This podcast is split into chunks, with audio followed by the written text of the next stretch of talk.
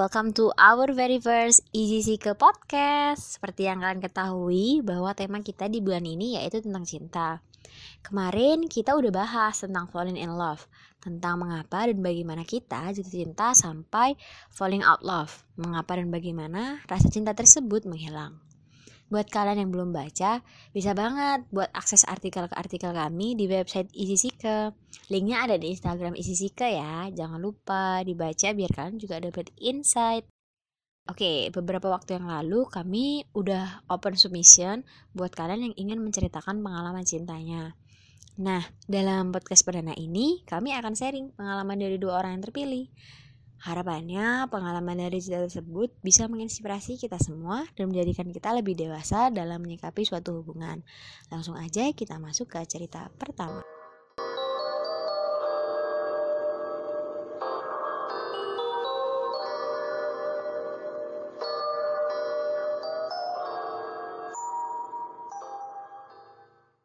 Pernah nggak sih kalian ngebayangin bakal pacaran sama seorang duda yang udah punya anak dua? Kalau nggak pernah, sama. Aku juga nggak pernah kepikiran dulu. Sampai akhirnya aku berada di posisi itu. Setelah proses PDKT yang lama, sekitar enam bulan, kami akhirnya mulai resmi pacaran. Orang tua udah saling kenal, bahkan aku juga udah kenal sama mantan istri yang dekat sama kedua anaknya. Aku nggak seberapa publish hubungan karena takut jadi bahan gunjingan orang. Aku cuma cerita ke beberapa orang terdekatku aja. Hubungan kami awalnya berjalan baik seperti biasanya. Ribut kecil ya pasti ada, tapi selalu kita cepet juga baikannya. Tapi ternyata bahagiaku itu nggak berlangsung lama. Aku pernah mergokin dia lagi ada di hotel sama cewek lain. Aku samperin ke hotelnya. Aku dobrak pintu kamarnya, dampingi security dan petugas hotel lainnya. Malu sih dilihatin banyak orang, tapi saking marahnya, aku ngamuk di dalam kamar hotel sambil teriak-teriak kayak orang gila. Petugas hotel berusaha nenangin aku. Dia pun juga berusaha buat nenangin aku dan coba buat ajak aku ngobrol berdua. Aku terima ajakan dia buat ngobrol. Aku kasih waktu buat dia jelasin ke aku semua hal yang aku lihat tadi. Aku marah, marah banget. Rasanya harga diriku udah diinjek-injek sama cowok brengsek kayak dia. Aku cuma bisa nangis, marah, dan duduk lesu. Setelah kejadian itu, aku memutuskan buat mengakhiri hubungan sama dia. Semua suspeknya aku blokir. Dia masih berusaha buat hubungi aku untuk minta maaf dan berjanji gak akan ulangi kesalahannya lagi.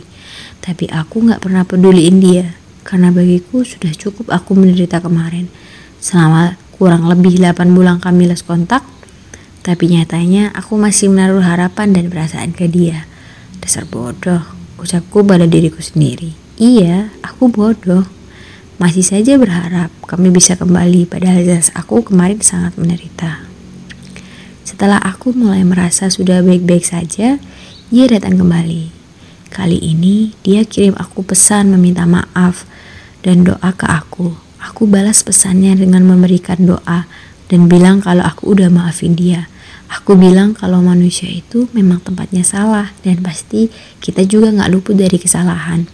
Akhirnya kami kembali intens lagi berkirim pesan. Akhir 2019 dia ngajak buat melanjutkan hubungan kami yang lebih serius. Dan kami pun bertunangan. Jujur aku seneng banget waktu itu kayak dalam hati itu selalu bilang ah nggak nyangka banget bisa sampai di tahap ini sama orang yang aku sayang di tahun berikutnya hubungan kami semakin hangat dan kami berencana menikah kami mulai menyiapkan gedung, souvenir, WO, dan sebagainya. Bahkan sudah DP gedung dan juga DP souvenir. Tapi kebahagiaanku nggak berlangsung lama. Dia selingkuh kedua kalinya.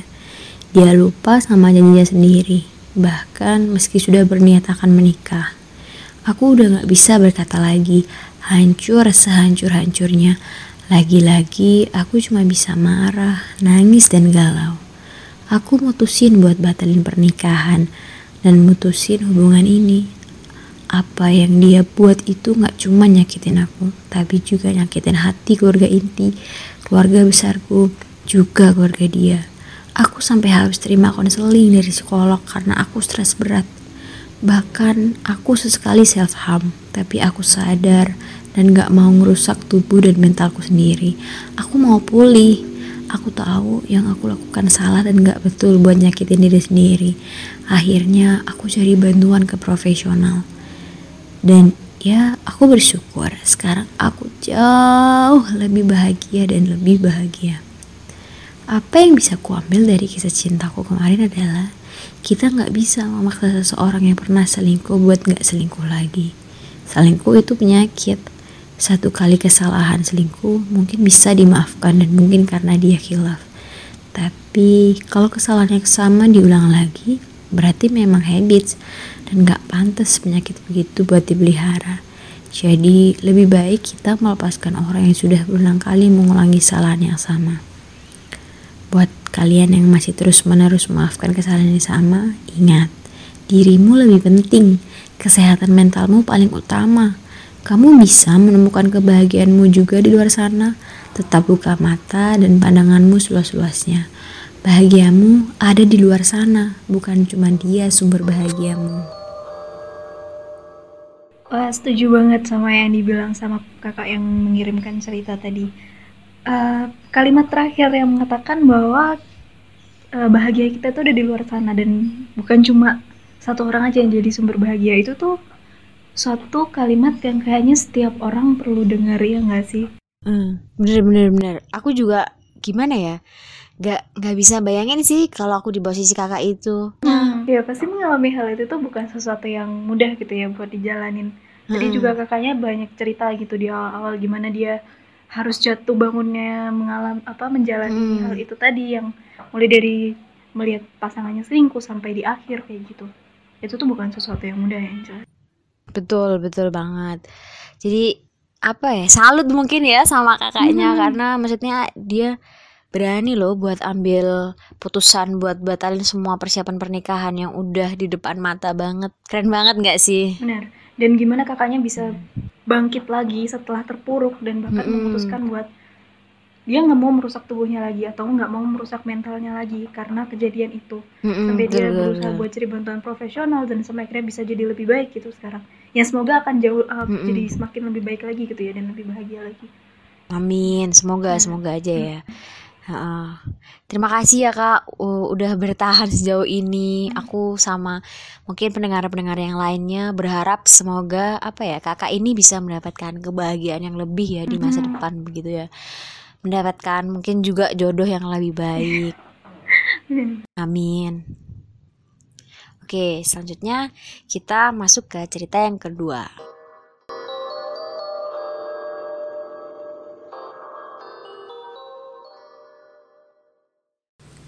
Aku pernah berada di dalam hubungan toxic relationship selama satu tahun delapan bulan. Aku adalah tipe cewek yang overachiever dan punya banyak temen cowok. Ini membuat aku sibuk dengan pekerjaan dan ngabisin waktu untuk main sama teman-temanku. Aku takut pacaran bakal mengawet pekerjaanku dan membatasi pertemananku. Tapi keputuskan untuk mencoba. Aku bertemu dengan cowok yang waktu itu aku anggap dia berbeda dengan teman-teman cowokku yang lain. Awalnya kita nyambung banget, hobi kita sama, kita sefrekuensi, tapi aku masih takut pacaran. Waktu dia nembak aku, aku udah bilang kalau aku mungkin aja sibuk dan bakal sering ketemu dengan banyak temen cowok. Aku bukan tipe cewek yang bisa dikekang. Kalau misal dia nggak bisa nerima, mending kita nggak usah lanjut ke fase pacaran. Tapi dia menyanggupi itu. Di awal pacaran, dia bisa menerima aku, pekerjaanku, dan pertemananku pada saat itu. Mendekati bulan ketiga kita pacaran, dia mulai bermasalah sama pekerjaanku. Pada saat itu, aku sering pergi seharian untuk bekerja. Otomatis, aku gak sempat balas chatnya, dan dia mulai marah saat itu. Dia tidak percaya dengan perkataanku, dan menuduh aku sebagai pembohong. Satu minggu berantem, dan akhirnya kita putus. Aku benar-benar sakit hati pada awalnya, tapi ketika dia ngajak balikan, begonya aku terima aja. Tapi kertas yang sudah remas tidak kembali ke bentuk awalnya. Setelah kita balikan, awalnya baik-baik aja, tapi semakin lama aku merasa semakin ada yang berubah dari diriku. Aku yang dulunya ambis sama pekerjaanku sekarang mulai berkurang. Aku kehilangan niat dalam bekerja dan mulai bekerja asal-asalan. Ada suatu saat aku ditunjuk untuk mengkoordinasi paduan suara sekolah dan melatihnya. Dia juga ada sebagai anggota paduan suara itu.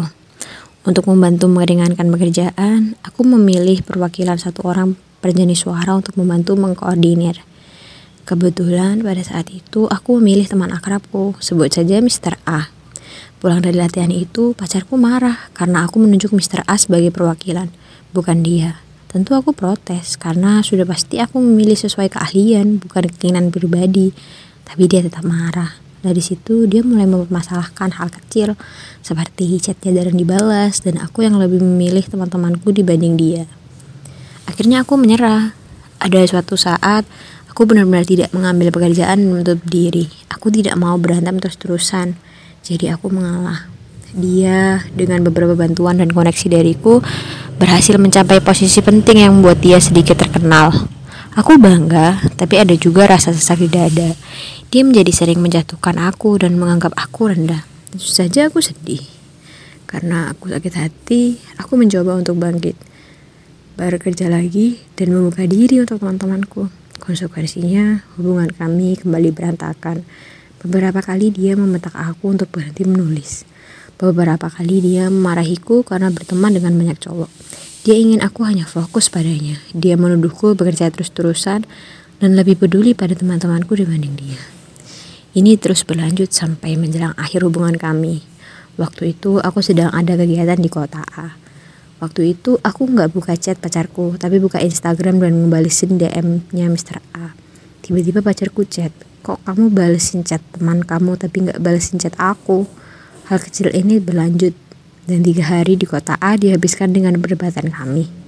Setelah aku pulang, pacarku memutuskan hubungan kami. Aku sebenarnya marah karena dia terus-terusan menyalahkan Mr. A.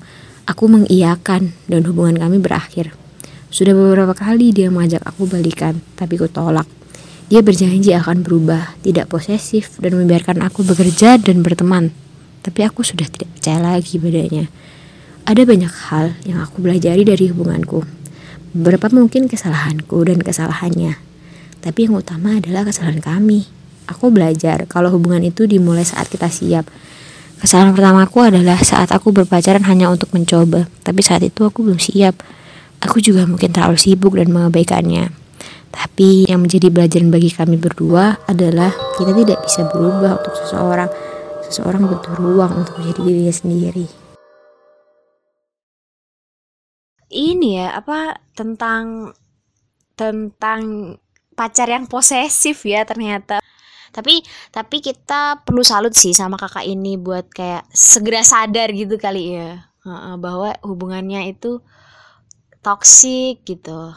Dan um, sampai di titik di mana kadang tuh kalau misalnya ada orang di hubungan yang toksik butuh lama gitu waktunya buat tahu kayaknya hubungan itu nggak baik gitu buat dia dan ketika kakak ini tuh mm-hmm. bisa menyadari oke okay, ini tuh bukan ini tuh bukan sesuatu yang yang sehat gitu buat dia itu itu ya seperti yang dibilang itu tuh sesuatu yang sangat keren. Mm, betul betul betul betul.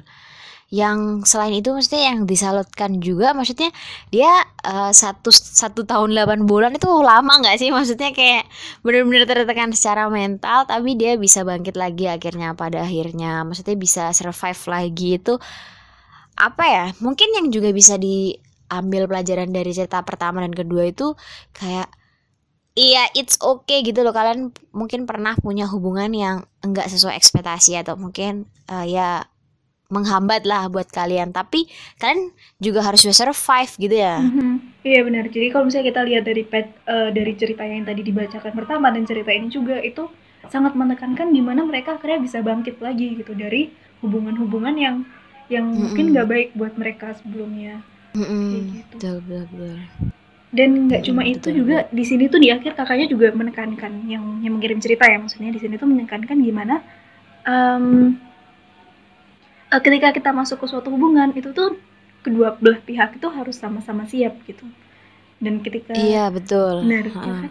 jadi apa namanya mereka sama-sama ready untuk ada di satu hubungan buat pasangannya buat diri mereka uh, buat pasangannya itu tadi dan um, mereka nggak masuk ke hubungan itu kayak masuk rumah sakit bingung gak eh gimana ya jadi maksudnya kayak karena iya. kita rusak akhirnya kita masuk ke hubungan itu supaya kita jadi orang yang lebih baik atau kita berharap pasangan kita buat ngebenerin kita jadi lebih baik gitu.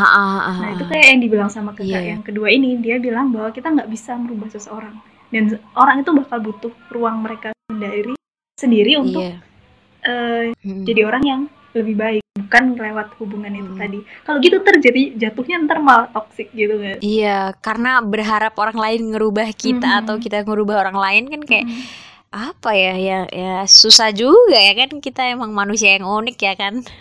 iya benar.